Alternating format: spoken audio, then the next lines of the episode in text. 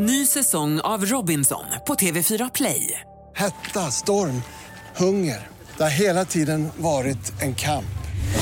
Nu är det blod och tårar. Fan händer just nu. Det. är Detta är inte okej. Robinson 2024, nu fucking kör vi! Streama söndag på TV4 Play. Men vi testar lite till.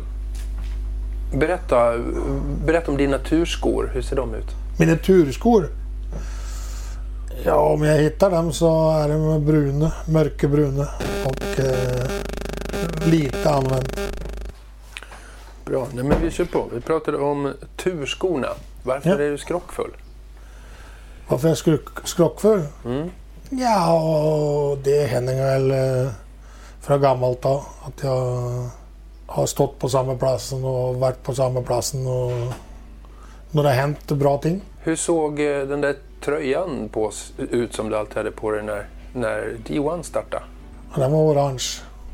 Alltid orange.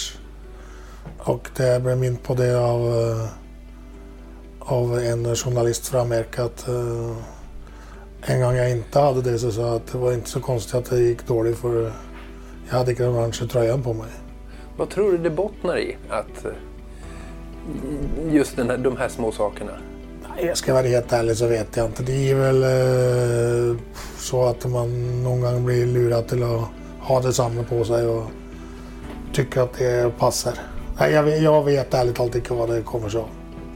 Var eh, står du på Sovalla?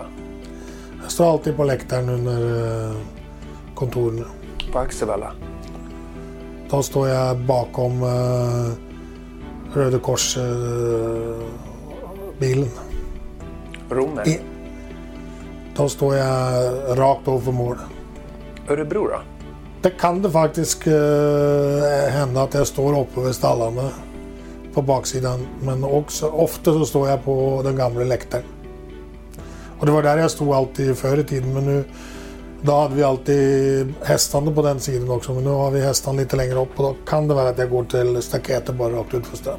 Så är du lite bekväm också? Är lite bek- mycket bekväm. Bra, då kör vi.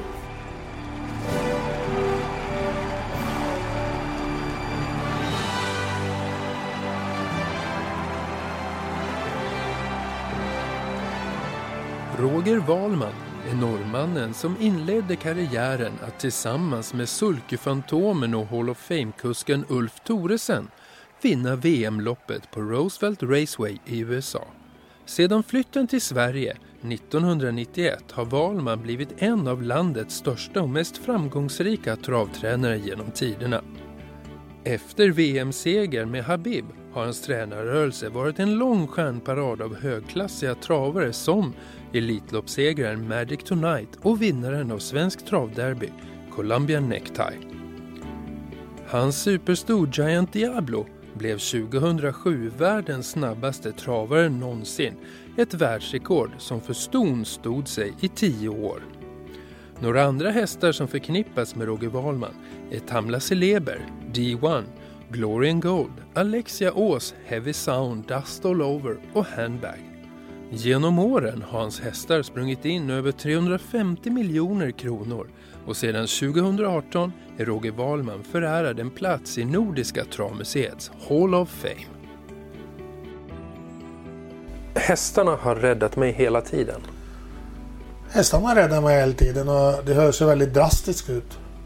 Så drastiskt som det hörs ut är det inte. Och jag är liksom, som jag också påpekat för jag har aldrig varit någon alkoholiker, jag har inte varit någon eh, drogmissbrukare eller all, aldrig varit det.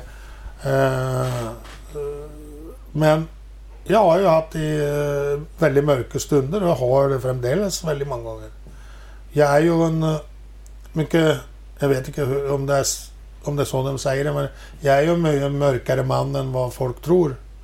Jag har ju väldigt mycket eh, psykisk eh, ohälsa i mig. Och det är det jag menar med det att, eh, att eh, de, de, de har eh, de gånger jag har varit mest betutta eller mest eh, nere eller vad du kallar det. Det hörs ju väldigt drastiskt ut men så har jag alltid kanske vunnit ett storlopp och vunnit med en häst som jag inte trodde skulle vinna exakt. Och så kan gå, det är ju grader i helvete kan du säga. Så det behöver kanske inte vara kriterier du har vunnit för att bli stor, eller Elitloppet. Det är att rätt häst har vunnit ett lopp så kan man vara jävligt glad och komma upp av en, av en psykiskt dålig period. Ja, och det är ingen tvekan om att uh, hästarna räddar man många gånger där. Det går att läsa sig till att du hade en tuff barndom. Där Ja. hästarna kom in sen i bilden. Tuff skolgång. Eh, och sen tufft, tufft ekonomiskt. Är det liksom sådana, det du syftar på? Ja, alltså, ja, ja, ja.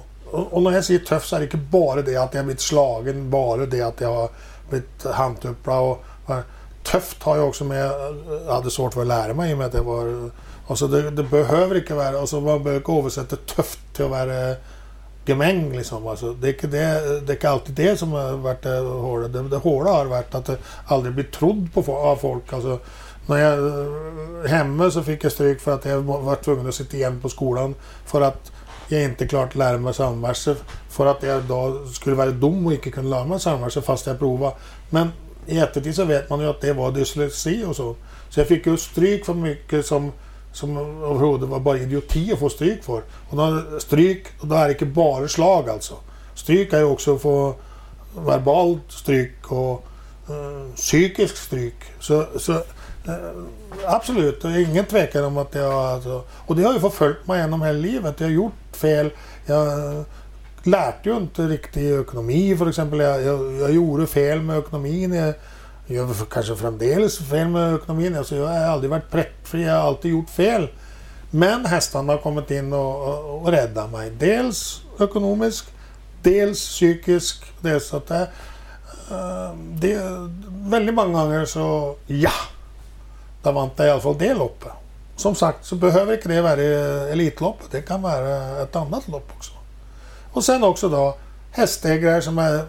Du vet, du känner ju på det att det är vissa eh, hästar, hästägare som är i färd med att kanske svika, flytta hästen som flyttas. Fina hästen som har flyttat. Då har plötsligt hästen börjat vinna. Då flyttas ju inte. För exempel de små detaljerna. Det är ju ingen som tänker på. För att vara en travtränare är ju ett konstant psykisk press. Konstant 24 hour. Hela tiden. Det- Och det är inte hästägarna, det är inte den på utsidan som pressar mest. Det är det själv som pressas. I alla fall i mitt hänseende. Sen får andra svara för sig. Det är ju det här press att du måste, måste, måste och du är aldrig bättre än det sista loppet som har gått i mål liksom. Om jag åker hem från travet så är det ju inte de och och jag startar fem hästar och vinner tre. Så är det ju inte de tre ringer. Det är de två som inte vann. Varför vann inte min? Och du ska förklara dem och du ska i många tillfällen vara deras eh, psykologiska doktor. Ja, ja, men då ska jag inte ha någon häst mer. Nej, nej. ja, okej. Men du är ju över 18 år. Du, du har köpt hästen själv. Här är det liksom, och, så, och det är klart, pung, pung, pung. Du kommer alltid ner i, i skiten. Och det är klart att det, det kostar på. Och jag har varit svag i förhållande till det. För jag har ju följt mig eh, mindre än alla andra människor. Jag fattar ju, jag kommer aldrig... Jag fattar ju inte liksom att jag... Jag fattar ju inte nu att jag är lika stor som Jorma Kontio. Ja, jag kanske kan, men om säger, vi fick ju diplomet samtidigt i alla fall. Eller så. Ja. Ja, förstår du? Jag menar, jag sammanlignar mig inte med Jorma Kontio eller något sånt. Alltså, men jag kommer aldrig att förstå och fatta varför jag har fått uh, Hall of Fame. Det kommer aldrig att kunna gå in i min hjärna liksom. Och jag klarar inte att ta dem. Därför så har jag sagt många gånger också att jag är mycket bättre på att ta, eh, ta nedgång än uppgång. Jag hatar att höra grattis. Jag har svårt för att säga grattis till och med. Och när folk ska komma och skrika hans till mig. Och därför så efter stora lopp alltså, och så försvinner jag så fort jag kan. Jag vet att jag måste ställa upp till pressen. Jag vet att jag har ju vissa ting jag måste göra för travet. För det gör jag för travet. Men sen därefter så kan jag bara försvinna. För att komma bort, få ro, få...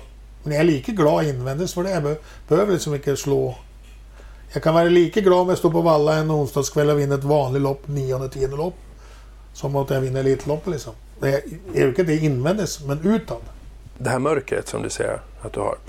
Hur har du lärt känna det? Har du, har du tagit någon hjälp eller har du, hur hittar du ut ur det när du hamnar där? Ja, alltså jag har tagit hjälp. Absolut. Jag har gått eh, psykologer och sånt. Men jag är alldeles för lite. Ingen tvekan om det. Nej, i ärlighetens namn så har jag kämpat mig igenom det. Uh, dumt, helt säkert. Men jag har liksom... Jag har levt med det istället för att ta hand om det. Eller förbättra det. Så att... Det har varit jävligt tungt. Jag har... eh, det här är ju en sida som nästan ingen... För jag klarar ju... I 99,9 tillfällen så, så skrattar jag bara bort och slår en, eh, en vits eller en, en skröna på det här och, och, och så skrattar alla och så försvinner jag. Och, och liksom lite spydiga kommentarer och sånt. Och sen, det är ju för att rädda mig själv liksom och så att jag kommer bort. Så det är väldigt få som, som vet om det här. Men eh, ja, nu, nu, har jag, nu är jag så gammal så jag, jag har, Men jag har ju varit rädd för att släppa ut det, rätt och slätt. Jag har varit rädd för att, och, att erkänna att jag har haft det så. Och det, det, det är säkert inte bara jag, det är säkert många. Och travet, är ju, travet är ju också så att vi är så hårda allesammans men du ser ju den ena att den andra ramlar av kvisten och vi vet ju att det är inte bara jag som har dessa mörka sidorna i det här, den här gamet. Men alla ska ju bara driva på i alla fall. Och ingen har det ju dåligt. Jag tycker vi... Jag, jag tror det är väldigt många travtränare och travkuskar och allt som är som skulle behöva mycket mer hjälp än det vi tar. Vad gör du när du inte är i stallet och när du inte dricker gott eh, vin eller mat? Jag kan, god jag kan säga så här att eh, 90, 95 procent av tiden dricker jag inte vin och mat, god mat. För jag, jag dricker överhuvudtaget inte alkohol i veckor eller någonting. Så att, uh, undtagen när jag är på semester, ursäkta. Men, så jag är ju jag är dålig sån. Jag skulle kunna kanske ta mig någon glas vin eller en öl lite oftare. Men det är en annan sak. Nej, jag, vad jag gör? Jag har väldigt lite faktiskt. Jag, jag är, är världsmästare på att inte göra någonting.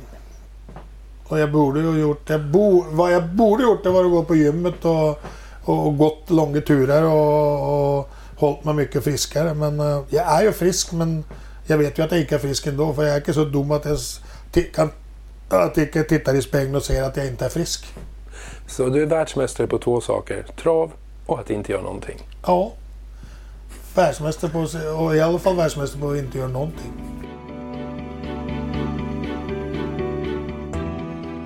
Har du plånboken på dig?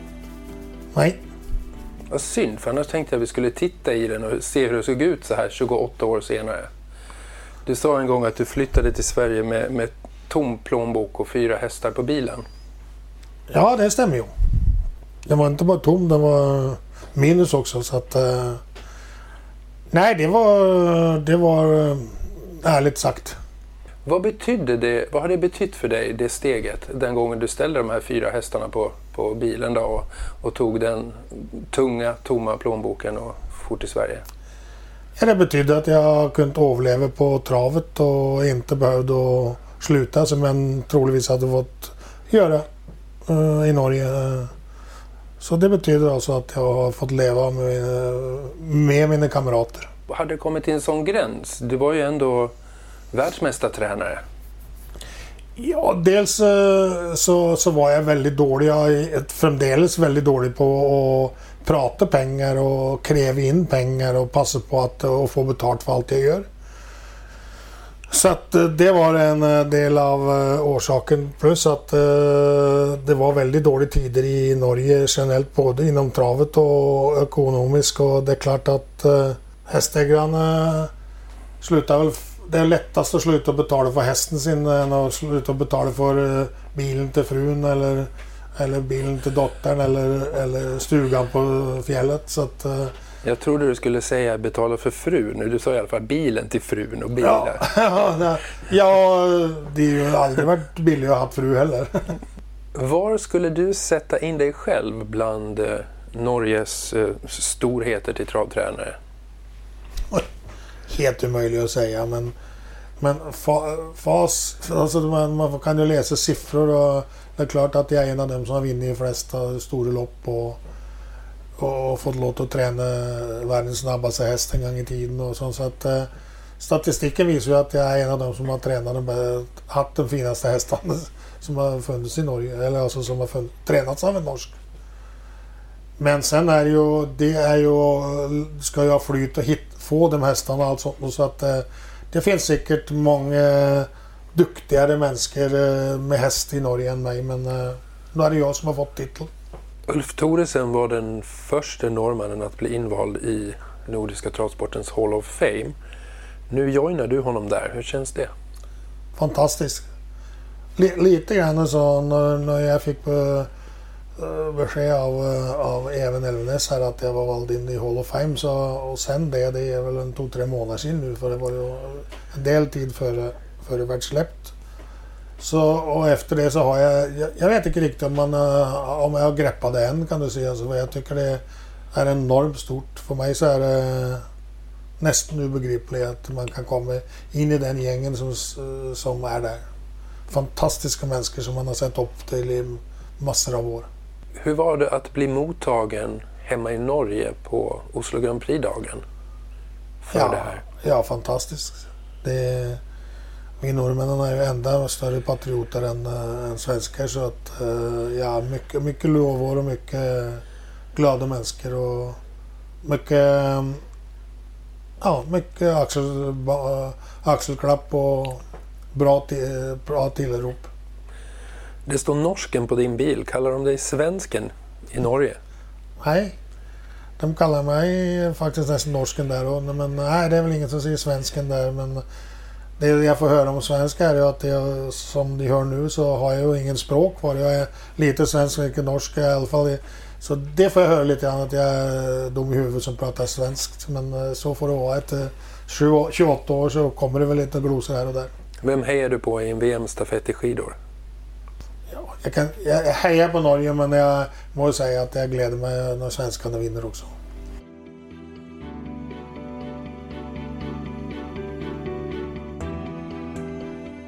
Din egen bakgrund. Um, när är du född? 53. 12 till 4 53. Vem vann Elitloppet? I 53? Det vet jag inte. Nej, det vet jag ärligt talat jag, jag är absolut ingen som travnörd så jag vet alla sådana ting. Francis Bulwark. Okay. Men det hade kanske varit mer relevant att fråga vem vann Oslo Grand Prix? Vet jag heller inte i 53. Nej, men uh, nej. Det fanns inte? Nej, nej. jag kollade upp det innan här. 66 okay. kördes det första gången. Okay. Uh, hur såg Trav-Norge ut då? i slutet av 50-talet, början på 60-talet när du växte upp? Vad växte du ja, upp till för förebilder och så här? Ja, förebilderna mina var ju en granne av mig som uh, hette Johannes Kvåse Realsen. Jos Kvåse Realsen stod var ju namnet då kan du säga, eller Johannes. Och det var en granne av mig som uh, hade en del uh, nordsvenska hästar och de uh, tränade ju på vägarna där vi bodde så att den gången var det grusvägar. Så att de, eh, de körde förbi mig varje dag och eh, jag var inte så stor i knäppen för jag fick lov att hoppa upp på flatvagnen och vara med där och sitta på. Var i Norge är vi någonstans då? Ja, vi är i Telemark, Porsgrunn. Till, okay, Porsgrunn, Skien, Klosterskogen. Om vi, Klosterskogen har vi nu... Sydväst om Oslo ungefär ja. 15 mil kanske? Eller ja, ja, något sånt. Väldigt vackert. Åker du Telemark skidor förresten? Nej, jag åker väl inte Telemarksskidor men jag kan åka skidor och jag kan väl åka Telemarksskidor eller på den tekniken också men det är ju länge mellan varje gång nu. ja men tillbaka då. Eh, du fick åka med eh, din granne då som ja. var travtränare. Och det var ju en del lite äldre killar som tränade eh, då. Den gången så var ju dessa amatörerna väldigt duktiga på att få killar och tjejer till, oftast eh, killar den gången faktiskt till att hjälpa dem att köra häst och det var ju drömmen för många. Så att eh, jag hoppade på där och steg från, från sitta på lämmen upp på sätet och, och styra hästarna också. Vad, vad var det med hästar som du föll för? Dems eh, närvaro och, och snällhet, dems eh, tro, alltså ja, kärlek till oss som också så hade kärlek till dem. Alltså, ja, kärleken som de gav tillbaks när vi var snälla mot dem. Och hur, hur gammal var du då ungefär? Ja, när jag började springa i stall så var jag bara 6-7 år. Mm, och började väl att köra lite grann på Gärde då. Och köra med slea och, och timmerstockar efter med Nordsvenskan och fick sitta där och hålla. Då, men det, ja, ja. Men när jag började köra på riktigt och så, så var jag väl en 10. Som tioåring, ville man bli travtränare då eller polis? Eller vad var drömmen? Vad ville lille Roger Wahlman bli? Men Vad såg du dig själv? Ja, lille Roger Wahlman ville, hade, ing, hade väldigt dåliga ambitioner på allting. Jag hade ingen tanke på att bli travtränare eller något sånt. Och jag, hela min familj jobbar jag på Norsk Hydro. Som Norsk Hydro vart ju så damer på, i Porsgrunn och alla jobbar ju på Norsk Hydro kan du se hela Porsgrunn. Så att, eh, ja, tilltänkt att vara någon slags eh, ett annat fack på, fag på, det, på Norsk Hydro antagligen. Du hade kunnat hamna på en oljerigg Ja, och jag har varit på oljerigg faktiskt. och jobbat. Ja. Vad... eh, Nej, vi har, jag var inte ute i Nordsjön men vi jobbade med bygge stillaset. Så för när jag kom hem från lumpen så tycker jag hade var dags att tjäna lite extra pengar. För då hade jag jobbat som lärling och tjänat 150 kronor i veckan. I, i två, tre år då. Fyra år sedan jag började från skolan. Eller då, man är ju 19-20 när man går i lumpen. Mm. Och eh, så när jag kom hem därifrån så, så tänkte jag att jag skulle börja tjäna lite pengar. Så då var jag med och gjorde skitjobb på flera raffinerier och också oljeplattformar. Hur länge höll du på med det? Det vart en fyra, fyra och ett halvt år tror jag. Vad fick dig tillbaka till, till, till sporten då? Det var ju kärleken till, eh, till hästen. Jag klarade ju, klarade ju som de flesta andra som håller på med det här så klarar man ju inte att hålla sig borta. Man en gång fastnar för hästen så blir man ju hästmänniska resten av livet. Kommer du ihåg din första häst? Du måste ju ha ägt någon häst då? Ägt men som jag ägde? Ja. Nej, men jag, ja, det gör jag också. Men jag, jag kommer ju ihåg de första hästarna som jag... Jag har ett tro- otroligt minne av mina första hästar som jag fick lov att köra och passa. Det, de hette, det var två syskon och en som hette Milla, som var ett sto. Hette Vossvin och Moldra. Och så hade jag en efter eh, en som hette Miller. Som var efter... Um, jag var efter Moldra den och den var efter uh, Jan Schur tror jag. Det var en snygg häst. Eller Sjur, nej Sjur, Sjur bara. Snygg häst, röd Ja. snygg häst. Den var jättesnygg den nästan. Vad tror du det är med hästmänniskor? För att de kommer ihåg stammar på hästar man bara har passerat för 30 år sedan kanske, eller 40 år eller längre. Men man glömmer allt som är viktigt. Varför kommer man ihåg hästar och häststammar och vad de hade för färg på bandagen och vad de gick med på benen? Ja, säg det. Det är, väl, eh, det är väl det att vi är lite nördar på det och, och, och, och kommer ihåg sådana ting. Men eh, det viktiga det är, det är väl förbundet med så mycket jobb och så mycket... ja, mycket, mycket slit så att man väljer väl att glömma det.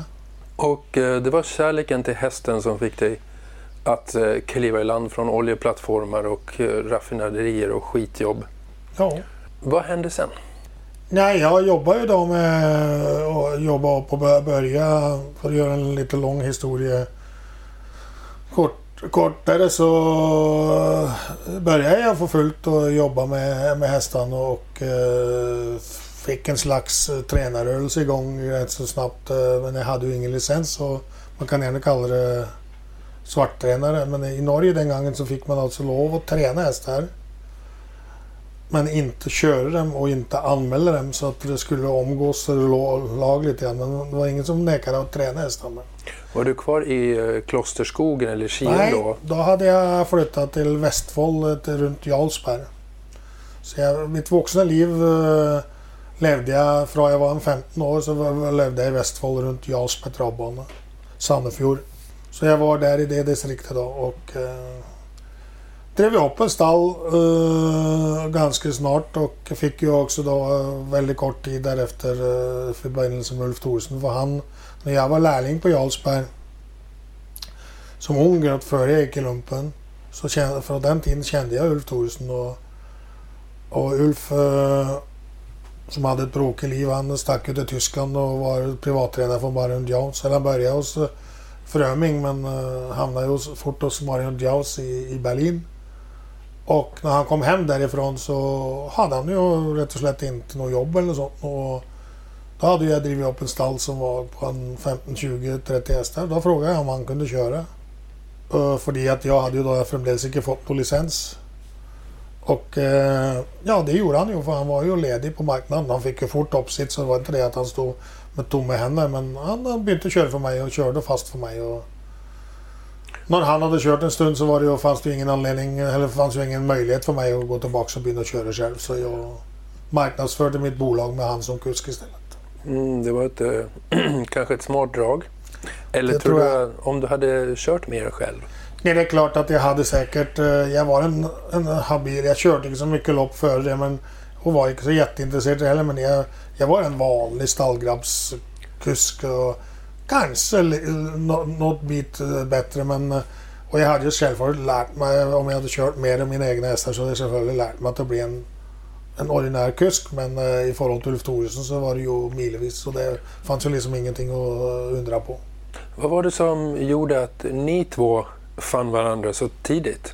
Ja, vi kanske hade en del av eh, samma... Ja, jag kunde häst och var ju...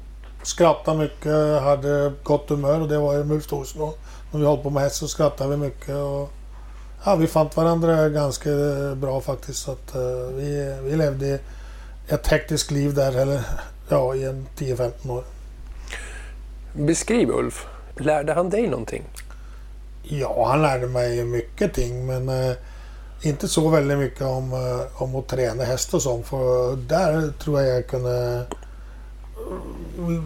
lika mycket som Ulf. Men eh, han lärde mig att vara avslappnad och att eh, ta hästen eh, och infinna mig med att hästen kunde gå både bra och dåligt utan att det skulle vara eh, livshotande, eller alltså vara botten. Så, men, och så drog jag och för min del så var det ju utan Ulf Thoresen hade ju inte jag varit här idag, jag hade inte blivit intervjuad här idag. Så att för mig var det ju livsviktigt. Det visade sig ju efter det att med han så kunde jag nå ganska långt upp i, i världseliten när det gäller att vinna travlopp. Och det var ju han som tog mig dit.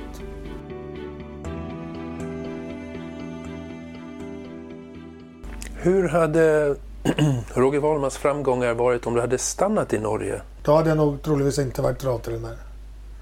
Då hade jag nog antagligen... Jag kan, skulle inte förvåna mig om jag driver restaurang eller sånt. Jag, det tycker jag mycket om. Jag var iväg och var med en liten sväng på att driva en liten restaurang och det tycker jag var fantastiskt roligt. Så att, eh, det skulle inte förvåna mig om att jag hade haft del- delvis jobbat där. Eller om jag hade haft något eget. Du hade drivit restaurang, varit med och hjälpt. Vad var det för restaurang? Nej, vi, eh, när jag hade gått konkurs då i 87 där i Norge som, som nu alla vet. Och vi, du och jag vill inte prata om det men de flesta så vet ju det så att, att min rörelse gick i, i back och i konkurs. Och då träffade jag på lite kompisar som både hade häst och restaurang och de eh, fick med mig på att driva en restaurang där och vi hade lite hästtema på den här restaurangen och sålde mycket hästbiff bland annat.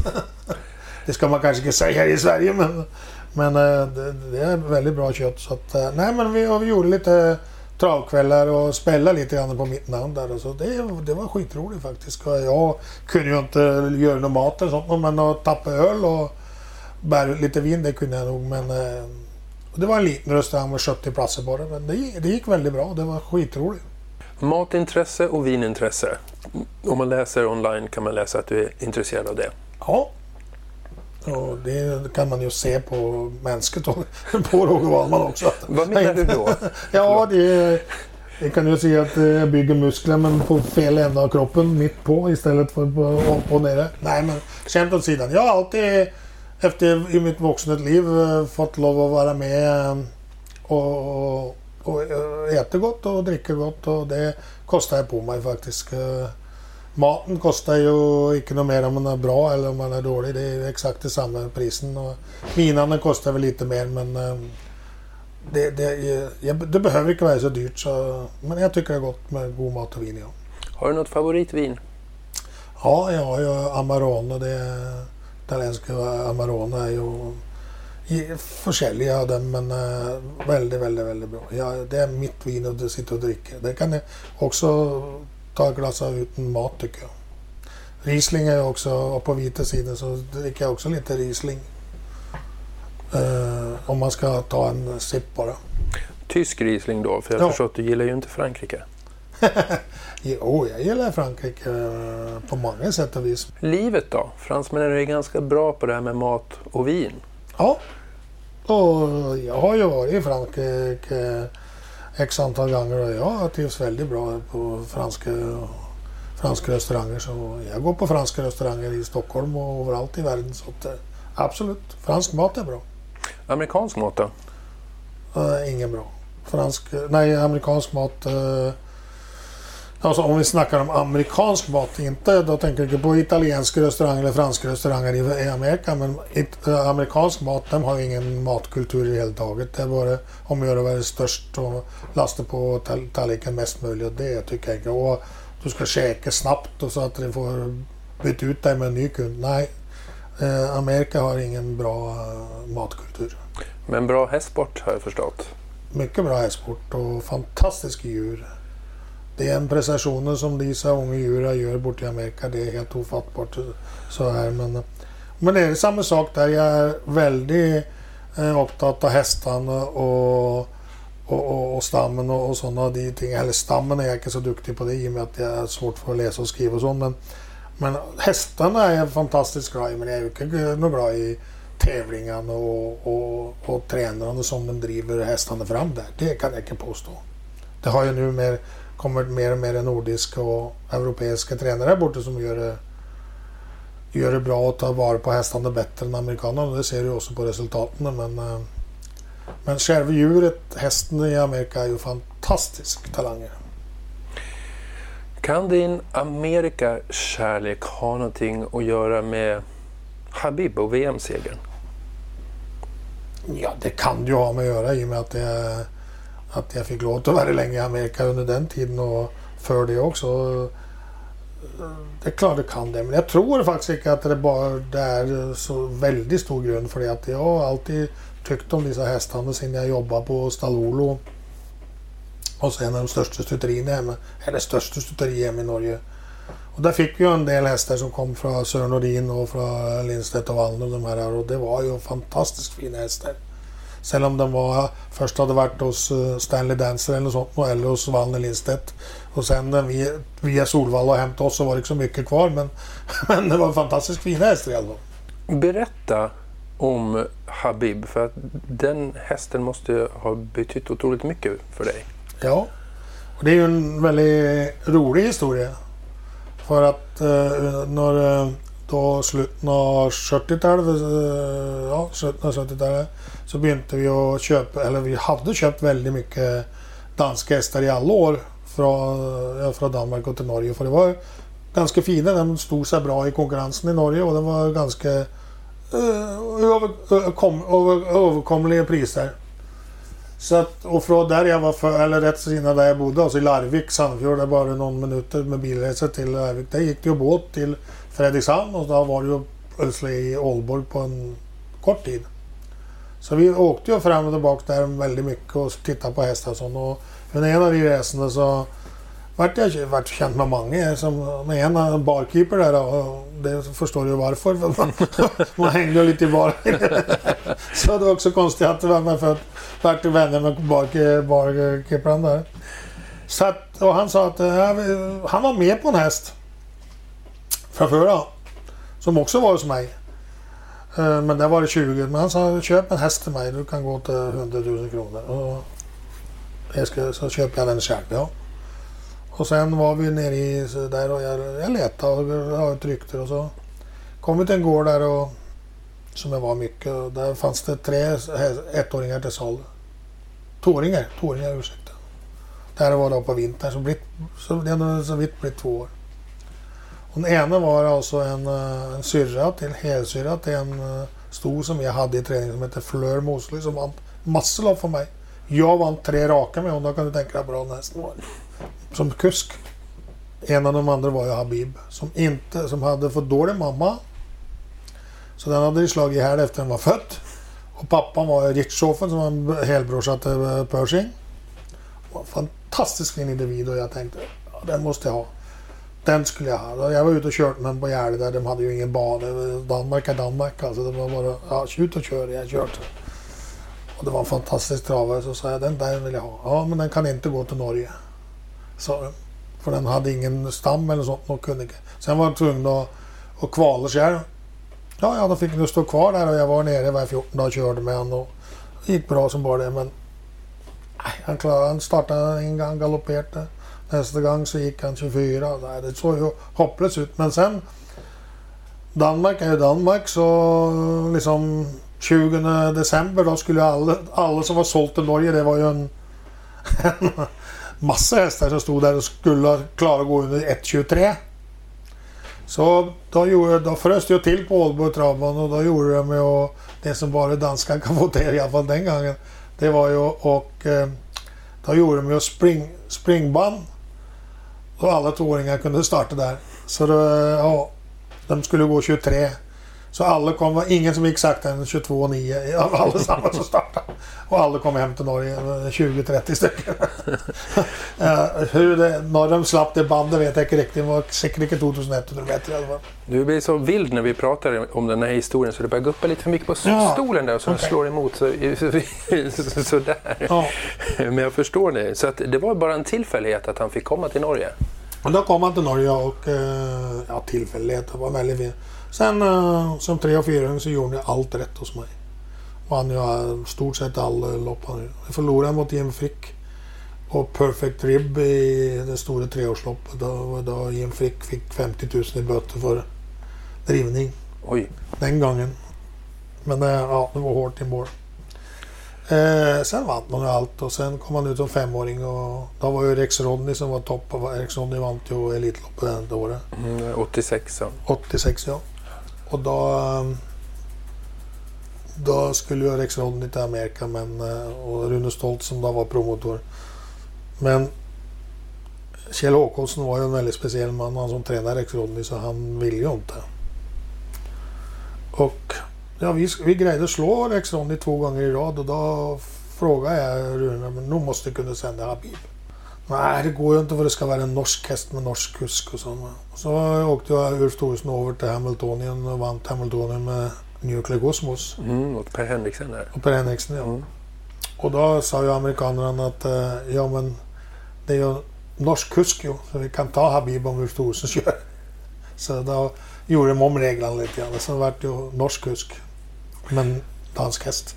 Jag tänkte på det också, just det loppet. När jag talade med din svärfar i den här eh, podden då, eh, om, med Bernt Lindstedt.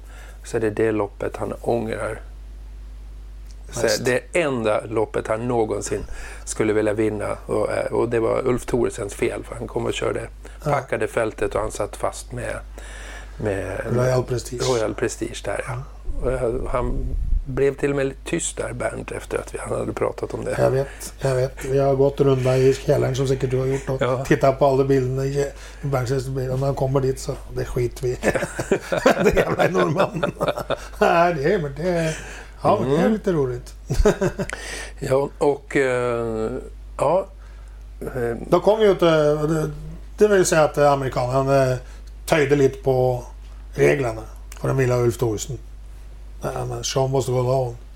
Så då gjorde de så att Habib kunde komma dit. Och då sa ju Rune, okej, okay, är det så att amerikanerna godkände? Sen, för jag hade ingen, han ville ju åka med Rex Rodney så.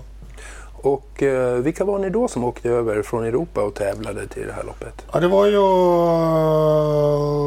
Sören Norberg med Juno Lobel? Jöne Lobel, ja. Och så var det uh, Mac the Knife. Var det någon fransos med också? Ja, det var ju icke Orasi, det var Aldo de Vivier. Nej, jag kommer inte ihåg exakt. kanske? Någon sån där. Ja. Ja. I alla fall så var det ju han som hjälpte till lite. Men vi fick ju bricka ett där. Och eh, då var ju Ulf i sitt S som sagt. Och bricka ett, han, då kunde ju inte förlora spets. Han var ju snabb som för. Per Henriksen var det Lotta på så han sa att uh, he's fast like a rabbit. Så det, och han gick ju till spets lätt och sen fick ju eh, fransmannen dödens. Och då tänkte jag, och Stig fick anpar utvändigt med Knife och tänkte det, var, det här var- blir ju perfekt. Ja. Men bara det att när Ulf slog ögonen i fransman så tog ju han upp. Det, han verkar, det var ju Vivé, vad heter han? Vi, nej, ja, vi, vi men i alla fall så slog jag Ulf ögonen i den och eh, i hand och sa att den och ristade på huvudet och sa att jag släpper aldrig. Då tog jag han upp. Det hade jag aldrig gjort varken före eller efter han heller. Och Stig liksom, "Nä, fan ska inte det här gå heller? Och sen kom ju Great Singing med Hörfilion. För hon satt sist. Så sände ju han på baksidan, eller alltså ett varv kvar då. 1200 kvar. Det var ju inte det för det var ju bara 800 bana men 1000 kvar då. Och då nickade ju Ulf till, eh, till eh, franskmannen och sa nu kör vi. Och liksom kom igen, kom igen nu. Och det är klart, då, det var ju, det han har ju väntat ett varv på för att få göra så. Så då kastade han på. Så då vart ju eh, hon, uh, Gret Singer sitter, han sätter deras på resten så det gick. Så att det här var ju ett fantastiskt lopp. Och jag stod ju i sista sväng med NRK, Morten Bur och de här och en annan som var från NRK också. Och då frågade de mig, eh, vad tror du Roger? Och Ja, men när, när Ulf inte ser framåt, bara bakåt, då är det helt klart. Så det- spelar ingen roll. Så, och han stack undan lätt. Det var ju ett lätt lopp. Så det var ju det var helt ofattbart. Vad är det starkaste minnet från, eh, från den händelsen? Ja, det var ju att stå på ceremoniplats där och köra in i den stora. Då hade de ju en lagerkrans som var så du körde hela hästen in i lagerkransen och så... Och så... Ja, jägare och allt möjligt. Och sen fällde, fällde väl... Ja, det var ju nära på att det kom ett tår. Jag har ju... Jag har inte gråtit så många gånger men det var, det var väl... Både Ulf tittade på mig och skrattade som alltid och så sa han det att... Eh, nu är det ju så här Roger att... Eh, eh på ceremoniplats gråter man inte, där skrattar man. Och det är väl klart, det var ju... Ja, ja. det är klart man gör. Och det har du tagit åt dig efter. Ja. Så det har jag tagit upp mig. Fast när jag vann hans eget minnelopp i, på Jarlsberg så kom det faktiskt en tår. Det, var, det må jag verkligen säga. Och också nu i Oslo när jag tog emot eh, mot Hall of Fame här och tänkte på Ulf Thoresen och vad han har gjort för mig så kom det också en liten tår faktiskt. Jag hade svårt för att hålla mig då. I stort sett så klarade jag att hålla mig för gråt.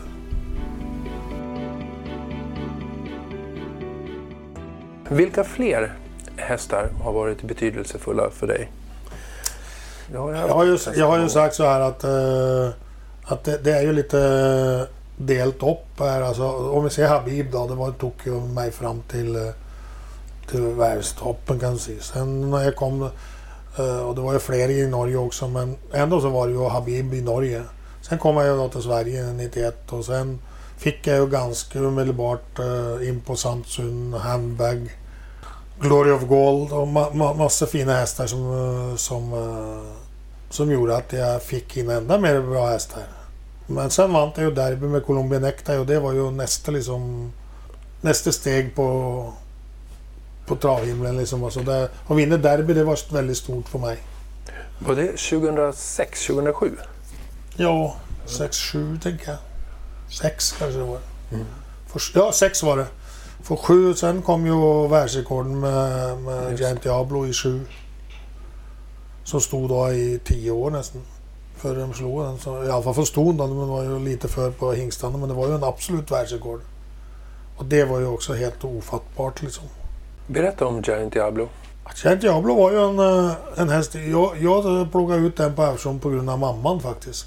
Giant Rytmen som jag tyckte var en sån fantastisk häst när Maja Heiskan hade den och var ju långt ifrån frisk. Ja, jag ska inte blanda mig i vad det var men det såg ju inte friskt ut i alla fall. Men hon, tacket vare Reijo som, eh, uh, Reijo Veijo menar jag, som grejade att bära hon på stängar och tömmar så gick hon i mål som vinnare gång på gång. På, såg i alla fall inte fräsch ut.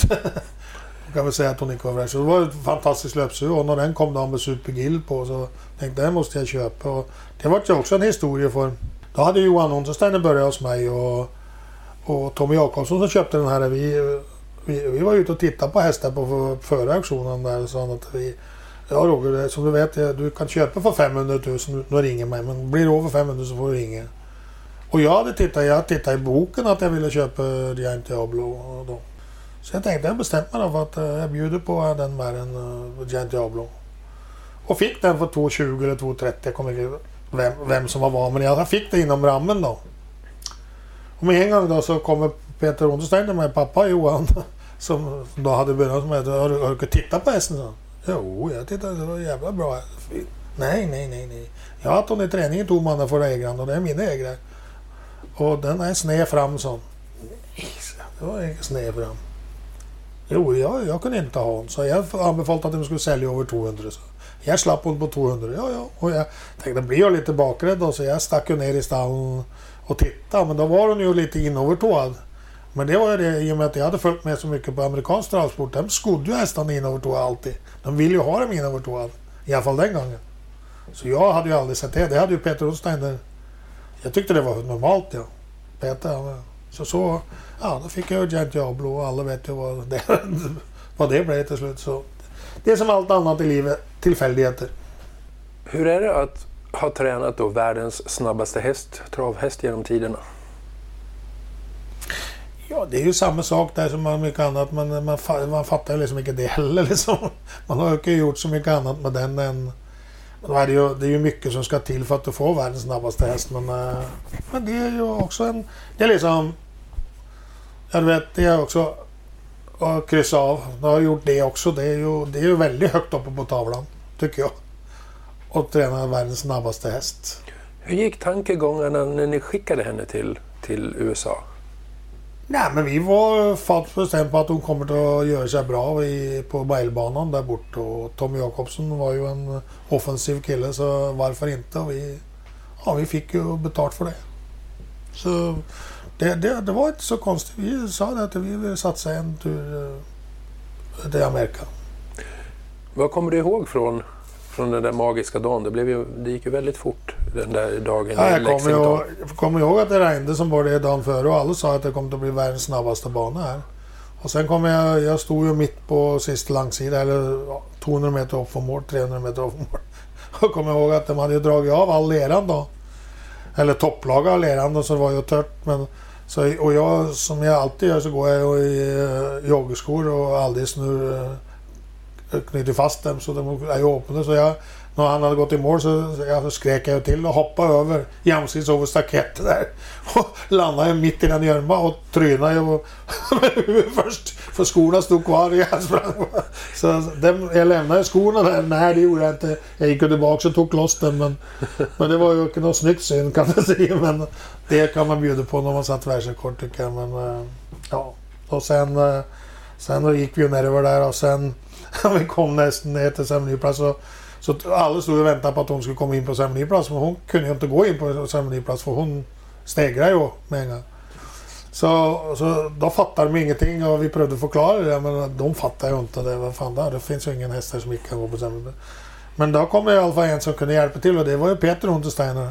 Han kom och skrikande. Han var ju om möjligt lite dåligare på engelska än mig till och med. Han skrek I am the breather, I am the breather. Off the driver, off the driver. Med händerna över huvudet. I am the breather, I am the breather. Åh, oh, sa den. Off the driver, off the driver. Så det vart jag jävla, vi skrattade och sa... Ja, du kan ju tänka dig och utav alla. Ja, det vart ju jävla breeder. I'm the breeder, I'm the breeder of the driver. Off the ja, driver. Ja, men det, och det stämde ju. ja i, all, i dubbel bemärkelse. Ja, ja, absolut. Och sen också synen efteråt på bild när jag ser att eh, när Johan har passerat, eh, det ser man först på bild då. Och så ser Campbell titta på klockan. Och liksom han var ju... Han körde så fort så han var ju säker på att vinna. Det var ju Roger Hammer med den här Hamiltonian-vinnaren som drog upp tempo. Vivid foto. Det foto ja. Så Campbell hade ju, jag kommer inte ihåg vem det var, men han... Och du ser det på bild, så om du går in på bild idag så ser du att han tittar på klockan och tänker att det här är ju inte sant. Det här finns ju inte sant. Här kommer en jävla märr från, eh, från eh, Sverige och blåser förbi mig. Jag kör 50. liksom det, det går ju inte. Så du ser liksom han förvånad och det har han sagt till mig. Jag pratar ju. Känner, Campbell jag väl men jag har ju pratat en del. Men han har också kört för mig där borta. Så. Han säger att det, här, det var förvånande. En liten pojkspoling som kom köra förbi. 51, det var liksom... Ja. Så det fladdrar i mustaschen på campen. ja, det var ju... Nej, men det är ju sådana ting som man kommer ihåg alltså. Alltså, och när man sitter här och vi pratar om, vi pratar om Habib och VM och vi pratar Giant Diablo, vi pratar Colombo Nectar. Man glömmer nästan bort att du har vunnit Elitloppet med Magic Tonight. Ja, ja det är ju... Färt att se att man glömmer det, men det, jag gör ju inte det. För det, det var ju nästa, för vi pratar ju om märk, alltså, avsnitt i mitt liv. Och det är ju nästa, det var ju då när jag då hade vunnit derby så var ju gå... då var det ju Elitloppet och, och kriteriet kvar. Kriteriet har jag kvar än. Men Elitloppet var, var ju stort att vinna och eh, jag gick ju relativt eh, hårt ut där och sa att han skulle vinna också. Så att, eh, och det var roligt att vi kunde sätta nosen först där. Och, ja, sen efter loppet så är det som vanligt eh, eh, många som skulle ha vunnit men det var ändå vi som var först i mål. Nönsjö gick ett fantastiskt lopp i Träsbord. Uh, eh, ja, och uh, Ludde med Musikfejts gick ett fantastiskt lopp i Döden. Så Pelle, Pelle Eriksson CSS satt ju fast. Uh, fan hette Just det, den. Uh, Royal Fighter. Royal Fighter. Så det var ju massor sådana efterpå men det tycker jag är lite synd för. Det var ju trots allt vi som vann loppet. Oavsett hur det var. Ja, absolut. Det är inte många som vinner ett Elitlopp. Nej. Och jag är en av de få som har gjort det. Eller en av, det är ju fler, men alltså få som har gjort det. Och det för mig så är det, det är liksom också liksom... Då har, kan man, då, då har man gjort det också liksom. Det är så jag ser det. Sen, sen går inte jag runt och drömmer om att vinna. Jag går runt med att ha mål för att vinna. Jag drömmer inte, jag har mål om att vinna. Och jag, mitt sista mål inte mitt sista mål, det är ju helt fel, men mitt nästa stora mål är att vinna kriterier och det verkar helt hopplöst för jag har varit tvåa och jag har varit ditt och datt. Och det, senast jag var tvåa var jag helt säker på att jag skulle vinna men så mötte man Really Express. Vem fan skulle vi tro att det var världens bästa häst man mötte? Du får ha både turskor, turtröja, turkepsen och stå på rätt ställe då. nej, men det, ja, precis. nej, men, nej, men alltså, jag är fantastiskt nöjd med Pythagoras som var tvåa. Så det var inte det, men eh, runt sista svängen när han satt där och finåkte våran häst satt och fyra åkte i rygg på, på Railway Express så trodde man ju att det skulle gå hem. Va? Men det var bara det att det var världens, någon av världens bästa häst som satt föran och det gick inte att slå han. Min häst är Max men i normalt fall så vinner ju kriterier idag med så, med så bra häst och så. Men så är det. Så vi får hoppas att vi kan få en chans till före man uh, kvällar.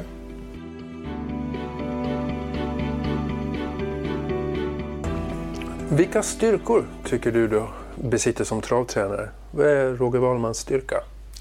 Kunna värdera hästen eh, Eh, och eh, kunna ja, rätt och slett se på hästen vad, vad den hästen är god nog till. Kommer att uppnå.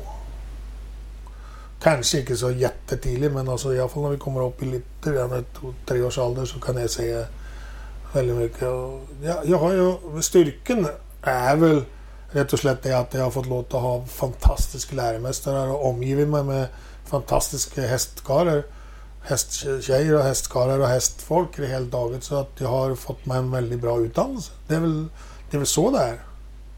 Du får ju ingenting gratis. Du, du måste ju liksom... Dels måste du vara där som det händer och vara heldig och ha bra läromästare. Men så, sen måste du kunna ta åt dig det också. Och lära vad de de som lär dig gör fel och den som gör rätt. Och översätta det till det du ska göra själv. Har du blivit riktigt besviken någon gång? Ja. Men inte, på, inte så väldigt mycket på hästar. Eh, men mycket på, på folk som jag har jobbat med och som, eh, som jag har haft tillit till som har svikit mig. Och ingen nämnt och ingen eh, glömt, håller jag på att säga. Eller vad säger man? Alltså, jag, det, ja, travsporten är en väldigt svår bransch. Eh, för det är lite för... Det är väl för lite och för trångt ekonomiskt. Så det är väldigt många som uh, kör över lik för att, att, leva. Och det, eller gör saker och ting som de inte borde ha gjort. Det låter som du har råkat ut för det. Ja, jag har råkat ut för det. Och det är inget tvekan om. Det har nog aldrig... Kanske är någon... Någon kanske inte håller på att fatta eller tänker i de banorna. Eh, jag för min del har tänkt i banan men jag tänker inte att, ta upp det. Det är inte så att det har något med att det men det är bara att konstatera att, eh, att det är väldigt mycket, väldigt mycket ska jag inte säga, men det finns eh, en, en, en del rötägg i travet. Som det säkert gör i alla andra yrken. Vad lär man sig de gångerna man råkar ut för det? Ja, som oftast för mitt välkommen så har det varit att jag har varit för snäll och för, för gidd för och inte tagit igen nog. Alltså, eller tagit igen. Inte varit hård nog själv. Jag, jag har alltid varit så här, jag, jag, jag, jag vill inte vara på, jag vill liksom inte vara på kant med folk. Jag vill inte, jag vill hålla på med det här för att hästens skull. Och jag vill inte, för min del så, så är inte liv och död om att göra om jag vinner det och det travloppet. Eh, kan jag klara mig ekonomiskt och komma utan mig på det sättet så, så, så, så skadar jag ingen kan du säga. Så jag vill vara ärlig. Pröva vara ärlig. Men det är ju så här att i trav är det väldigt svårt att vara ärlig. För att man säger till ett kund, sin till dig eller vem det är, att den här hästen tror jag på. Och så blir inte det någonting. Du har varit ärlig men du kan ju bli misstrodd. Så att folk kan ju säga att ja, men han lurar mig. Fast du överhuvudtaget inte lurat dem. Du har sagt till dem att ja, jag tror jävligt mycket på den hästen. Den här ska vi köpa och så blir det skit istället. Tror du det är likadant åt andra hållet? Att uh, det finns de som säger att den här hästen tror jag på så krämar man ur pengar av en hästägare? Ja, det tror jag. Det finns nog det. Och det finns ju de som travtränare som har hästarna för länge. Det så, I trav, travtränaryrke är ju också ett jävla svårt yrke för att eh, det är ju svårt att komma och handla på ICA utan att ha pengar. Så att eh, det är väl väldigt många som eh, måste ta till en nödlögn för att helt att överleva. Och då är det frågan, alltså det vi måste bestämma oss för då, är nödlögn laglig eller är det inte laglig? ska man få lov att bruka det eller ska man inte bruka det? Och det du måste ju förstå om, om, om det står, alltså man, man kan förstå det på sätt och vis om, om det står på om du ska ha mat till barnen och, och frun och, och sånt. Och, så kan man ju, om man vill, eh, förstå att man tar en nödlögn. Att den hästen vill jag nog satsa på två, tre månader till fast du vet innerst inne att eh, det kommer ju inte att gå. Men jag hoppas på att, inte jag, att jag inte har gjort det och jag hoppas på att jag inte kommer dit. Eller kommer dit kommer jag inte att göra. För det är över nu men jag hoppas inte jag har gjort det heller. För att jag, jag provar alltid vara ärlig med det jag menar. Men självfallet så har jag sagt till hästägare att den här tror jag på. Den här ska vi hålla på med lite till. Men så har det inte blivit bra. Men det har varit med god mening i alla fall. Ska man gå på ICA måste man, man ha pengar. Ja. Du har ju ropat in några av de dyraste hästarna i svensk auktionshistoria. Mm. Då har du pengar på ICA. Ja, jag har pengar på ICA men nu har jag som till 99,9 procent varje för andras plånböcker. Jag har ju inte ropat in sådana dyra hästar som jag skulle ha själv. Har du ett självförtroende då att du kan ropa in en häst för de pengarna? För att till exempel Forfantor Am, mm. 2,7 miljoner. Ja. ja, men det är klart att, eh, att oavsett hur man vänder det så är ju det tokigt. Det finns ju ingen häst som är värt de pengarna. Men så kan det ju bli värt det i alla fall. Och är det någon häst som skulle kunna bli av, av de hästarna, så är, om någon häst som skulle kunna bli värt det så är det en sån som eh, får Fantomen. För att han har ju avel och allt sånt och potentialet på grund av stammen och sånt. Sen måste vi se på det då. Han är bara fyra år gammal. Han har ju framdeles bara kutat in en miljon eller knappt det. Så att rent att köra in dessa pengar som kostar, ska, det är ju väldigt svårt. Men han kanske kan... Han kan nog göra det också den hästen. Men, men alltså det är klart att om man köper för dyra hästar titt och ofta. Men marknaden vill ju ha det. Och jag måste ju vara beredd när jag har eh, kunder som vill vara med i marknaden. Så måste jag vara beredd för det. Det som är det viktigaste är ju att man inte gör något, gör något med de hästarna. Om de kostar 50 000 eller om de kostar 5 miljoner liksom. Att man gör detsamma. För det är ju så här att det är kött och blod men det måste ju tränas exakt lika hårt och lika vulgärt eller vad fan vad säger man. Alltså man måste ju ändå vara på dem och så, så öronen flaxar för att få dem lika bra. För det går inte an att bara, jag har köpt mig en till fem miljoner. Så den här veckan träna för då går ni sönder. Och så kommer de andra och kör ifrån dig. Så varför du är sist i mål det, det får ju vara detsamma liksom. Så det är det viktigaste. Och där har jag självförtroende. Och träna en häst som är dyr. Jag går aldrig och tänker på vad hästen har kostat. Och det betyder ingenting för mig.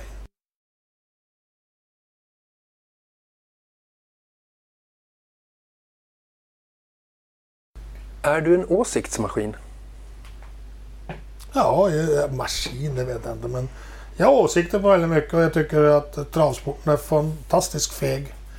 Och en jävla gäng med fega människor som inte törs att ta upp vad, Och det gäller tränaryrke, det gäller hästägaryrke, eller hästägare.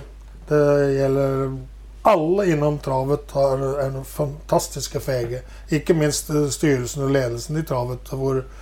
Och det sitter, eh, sitter någon med, medfer som inte... Vi har inte engang fått tillbaka de pengarna som Göran Persson lånade oss för 20 år sedan.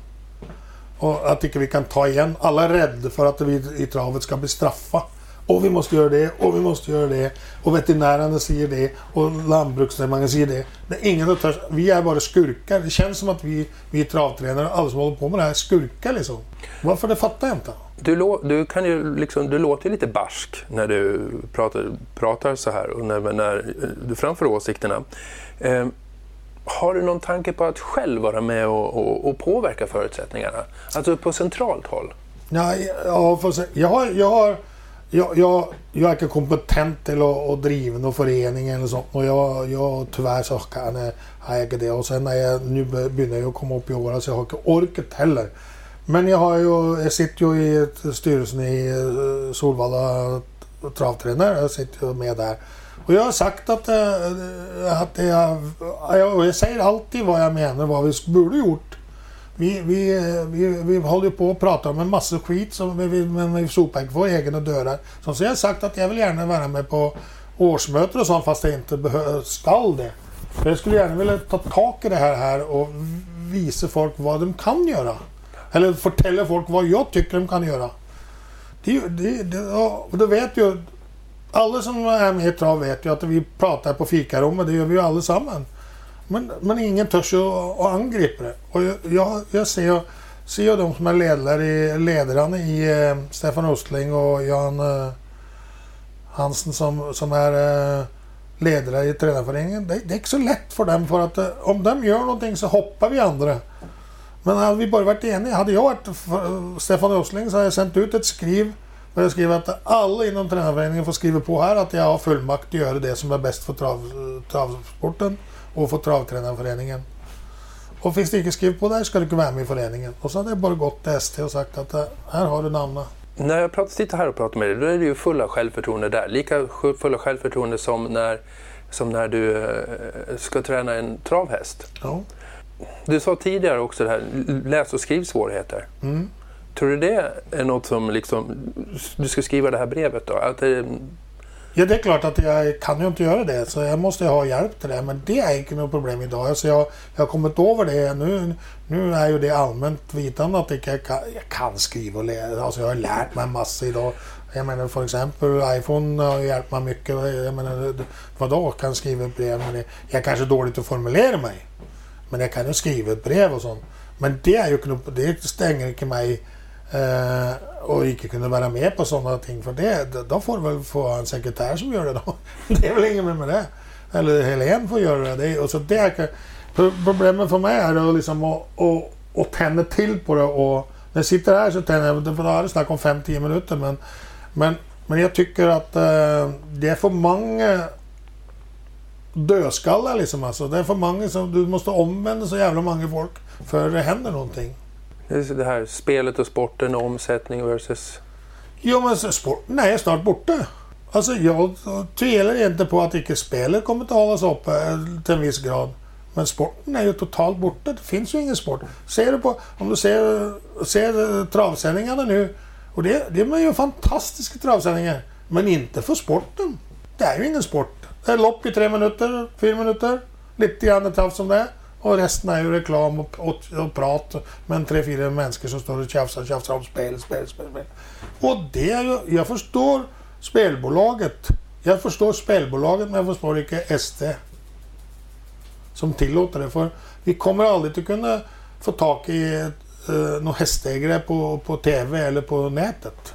Det kommer att dö sakta men säkert ut. Och de är fullständigt klara över det men de bryr sig inte. Nej, men man blir orolig. Ja, det, det, det är väl, det är väl klart att eh, och och kom, spelet kommer att vara jävligt bra antagligen. Länge, alltså förhållsvis jävligt bra. Men det har ju gått ner 20 procent allerede i förhållande till eh, för ett år sedan eller två år sedan. För, jag, jag tycker att det, det, är alldeles för få människor som, som sätter sig in och verkligen ser faran i det här. Men det är ju så här. som är x antal av de stora hästägarna som jag har haft som har, verkligen har pengar att lägga in i travet. De säger ju så att, ja, om jag, jag har fått, prövat att få mer än med travsällskapen och så. Men de säger att det, det, är bättre, alltså det, det är bättre jag förlorar x antal miljoner och till slut så, ja, jag kan ju bara säga nej då. Till slut så slår jag iväg köpa hästar. Nej, och, och, då är jag noll så det spelar ingen roll. Istället för att blanda sig in i ett, ett, ett, ett styrelse eller en, en, organisation som du bara stangar huvudet i väggen. Hela, stangar det blodig utan att komma någon vart. Tror du travsporten idag skulle vinna på att med större samarbeten med andra länder? Alltså i Norden, det, det, det måste.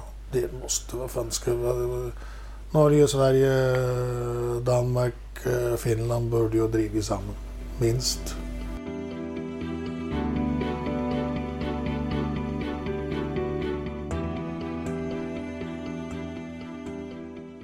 Vi pratade tidigare om, om hästar som har betytt mycket för det. Om du fick lyfta fram tre, fyra personer? Personer? Ja, vi har förstått då Ulf Thoresen som vi har mm. talat om. Ja, sen uh, Örjan Kihlström. Ja, personer, om man ska ta personer så måste jag börja med, börja med, med två döttrar. Jeanette och Katarina. För det är ju de som har betytt mest för mig. Sen om den bara var fem och tio år gammal den gången vi flyttade hit så sa de ju ja och sen man vet om den fattade vad de innefattade eller inte. Och den har stöttat upp mig in till, till dags dato. Så det är ju det som betyder mest. Det, man har, ofta så glömmer man det för man hoppar direkt på trav eller inte. Men det är ju de som har betytt mest för mig. Sen är det ju Ulf Thoresen, det är ingen tvekan om det. Det är väl ingen som har eh, undgått att förstå det. För det var ju han som tog mig sig helt att kom till toppen. Och sen här nere i Sverige så är det ju Örjan Kihlström. Eh, Johan Untersteiner kom ju också in en tid hvor, hvor Örjan började köra lite grann för andra och tog ju chansen och körde fantastiskt bra med mig. Det gäller ju detsamma med Kenneth. Nu har våran stall gått lite dåligare. Det betyder att också det har gått lite dåligare för han också. Men det har ju inte något med han att göra. Det har ju nog med hel, helheten att göra. Så det måste man vara väldigt uppmärksam på. Att eh, vi har ju svackor och just det sista, ja, det sista året kan man säga så vi har varit nere i en svacka. Vi, vi, men vi kommer tillbaks. Det är inget problem med det. Sen finns det ju då hästägare, någon som har liksom satt, det är inte bara de som har haft en massa hästar hos mig. Det är hästägare, stora och små, som har varit, eh, som, som jag tycker väldigt mycket om och som, som, eh, som kan dra upp mig och som kan ge stora heller liksom, ja, som man kan skoja med och ha det bra. Så det, sen kan man ju se, när det gäller, eh, så har ju en sån som Tommy Jakobsson när han kom in med fräskt eh, blod och köpte lite bra hästar och så fick jag inte av Vi hade ju en fantastisk tid. Eh, I eftertid då, eller i senetid så är det ju Lennart Ågren och Lennart och Mia Ågren som, eller Mia och Lennart heter det väl.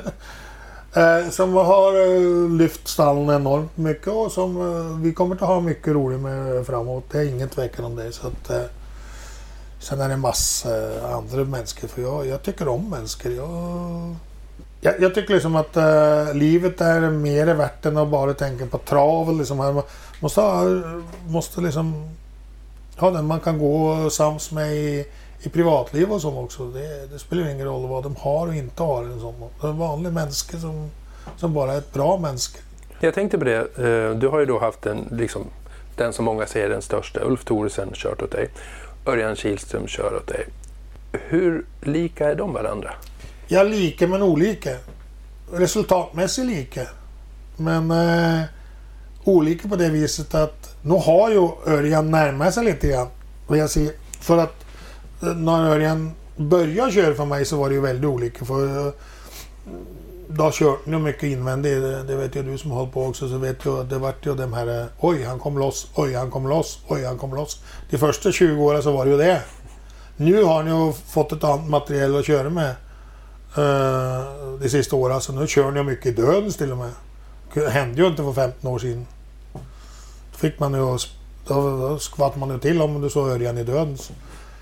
Men, men det som kännetecknar, som är fördelen är att Örjan kör ju också med små medel, så det är också lika. Men Örjan kör ju billig lopp och vinner. Och Ulf Thorsson kunde köra hårda lopp och vinna med samma hästen kan man säga. Så att han var ju rätt och slätt en bättre man, men också med små medel. Han var ju rätt och slätt en bättre man till att få hästen att springa fort. längre och fortare än andra. Jag vet, varför, och orsaken till det vet jag inte. Och det tror jag han visste själv. Eller? Jag vet inte om han hade ström i kroppen eller vad han. Jag vet inte. Jag vet inte. Men äh, alldeles som så. Han, jag menar, det vet ju de som satt här. Jag vet ju, det, det historien går ju här på Solvalla för, länge före jag kom. Att han åkte ner och skulle köra för Gunnar Nordin och Sören Nordin och Stig och så att de... Ja men att tredje par invändig kanske vinner. Och då körde han fram i döden så vann. Från dödens istället. Och de sa, vad är det här för någonting? Vad, vad händer? Stig har ju också sagt det att Kör jag Ulf Thoresson lika bra häst så slår Ulf mig med 15 meter varje gång. Skriver han väl i boken sin vad jag har förstått. Mm. Så att det är liksom... Nej, jag vet inte men, men det som är kännetecknande är att de vinner jävla mycket lopp. Och de vinner jävla mycket stora lopp. Och det betyder att de också är, är väldigt kall, väldigt, väldigt, har kloka att köra häst. De kör klokt kan du säga. De låter andra göra felen och så gör den dragen när de andra har gjort bort sig. Hur, eh, hur var det för dig då när, när Örjan körde åt dig? Och sen så körde han ju väldigt mycket och det var ju också under Stefan Hultmans storhetstid. Mm. Och han valde ju de hästarna ofta kanske före dina. Ja. Hur... Eh, Nej men det är klart att det var en besvikelse för mig. Det hymlar ju mycket med det. Men det var ju bara att konstatera. Alltså det var ju ingen MR. Jag ville inte ha något kontrakt med Örjan. Jag ville inte skriva ner någon kontrakt och sånt. Aldrig haft och kommer aldrig ta. Eh, så då var det ju att leta upp eh, andra kuskar och då hade jag sån jävla röta att eh, Johan dykt upp som, som bara en stallgrabb hos mig och visade sig att kunna accelerera axelkuskens tröja eller Örjans tröja väldigt snabbt. Kanske inte Örjans tröja men man kunde ta över väldigt snabbt och köra väldigt närliggande av toppkusk som en ung spöjling och det är klart att det hjälper man mycket. Tror du Örjan hade kört det där världsrekordet med Giant Diablo i USA? Eller hade han... Ja, det hade han nog. Eller hade han vunnit med mindre marginal och missat rekordet? Nej, det, nej, det tror jag inte. Ja, det, det ska jag inte säga. Men däremot kan jag säga på annan måte. Om det hade varit Campbell som hade kört Giant Diablo hade han nog gått under 1,50. Han, Johan visste ju hur fort han körde. Han körde för vinna och sen lite till. Men hade, hade hon fått en par upp till och upploppet där och, och för, för, för, det kunde ju ha varit första människan som kört under 1,50 eh, på milen. Men, mm. men det är ju utopi. Det är liksom inte något att prata om.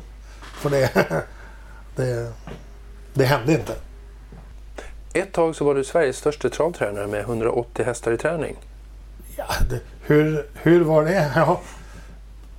Ja, det var i alla fall... För det första så var det ju ingen mål för mig att vara Sveriges största. Det vart ju så i och med att Lennart eh, Ågren köpte så mycket hästar och ville att jag skulle ta hand om dem. Eh, så det var överhuvud inte med. Och det vart väl... Eh, kan väl gott sägas med, med facit i handen att det vart väl lite för mycket också. För det vart... Det, det blir svårt att räcka över det tycker jag. Jag tycker att jag, jag hade ingen jättegod feeling när jag hade 180 hästar, ska jag vara helt ärlig. För eh, man ljuger lite grann då om man tror, säger att man har koll på alla dem. Man är lite, lite oärlig mot sig själv då. Så att, eh, ja, det var bra att komma ner för att se det på det viset. Och idag så lite längre fram, alltså jag kommer att trappar ner mer och mer. Jag kommer ta, här, här på gården här är det 95 hästar och jag kommer säkert strax att bara ha dem 95, kanske inte det en gång. Och eh, om ett, två, ett år eller två så kanske jag bara har här uppe på gården med 41 hästar. För att jag har sagt så här att eh, jag behöver inte sluta köra häst när jag är 70. Jag är 66 nu. Eh, men jag vill inte ha massa folk på, på, på, på anställningslistan eller så. Men jag kan gärna komma hit och köra häst om det är någon annan som vill ha min hjälp. Men efter 70 så vill jag, då vill jag fri i min mage. Då vill jag inte ha ont i magen mer. Ta ett glas vin. Ta ett glas vin. Resa någon månad på semester. Varje vinter för exempel. Vi får se vad som händer. Det, det vill tiden visa. Men i alla fall släppa och tänka på, tänka på travet 24 timmar i dygnet. Har du något råd till eh, någon som är ung och ska ta steget in i travsporten och välja på att satsa som kanske står inför samma vägskäl som du gjorde en gång i tiden? Ja, det har jag. Gör det, för det första så säger jag gör det. Men gör det sakta men säkert, genomtänkt. Och eh, Lara inte luras av, eh, av de här eh, lyckosökande som kommer med bra hästar men inte, inte ska betala fullt ut. Och, eh, kanske till och med lite svarta hästar. Lite så här. Lara icke lura det. Ta en och en häst och bygg det sakta men säkert upp. Det finns stora möjligheter för en unge travtränare att komma upp idag. Men det måste göras på riktigt och kom ihåg att de hästägare som är idag är inte som när jag var ung. Som, de, har- de har ingen aning om trav och allt sånt. Det måste bli in, insatt och du måste driva ärligt annars så blir det bara pannkaka i slutändan.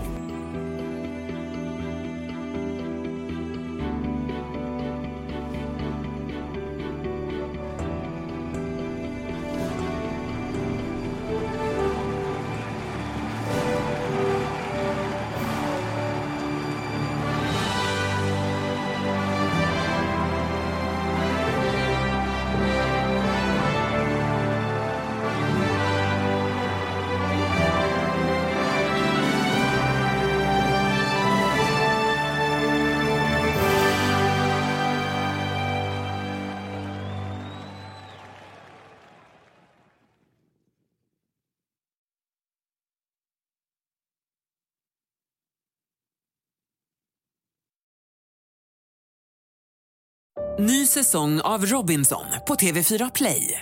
Hetta, storm, hunger. Det har hela tiden varit en kamp. Nu är det blod och tårar. liksom. Fan händer just nu. Det. är Detta är inte okej. Robinson 2024, nu fucking kör vi! Streama söndag på TV4 Play.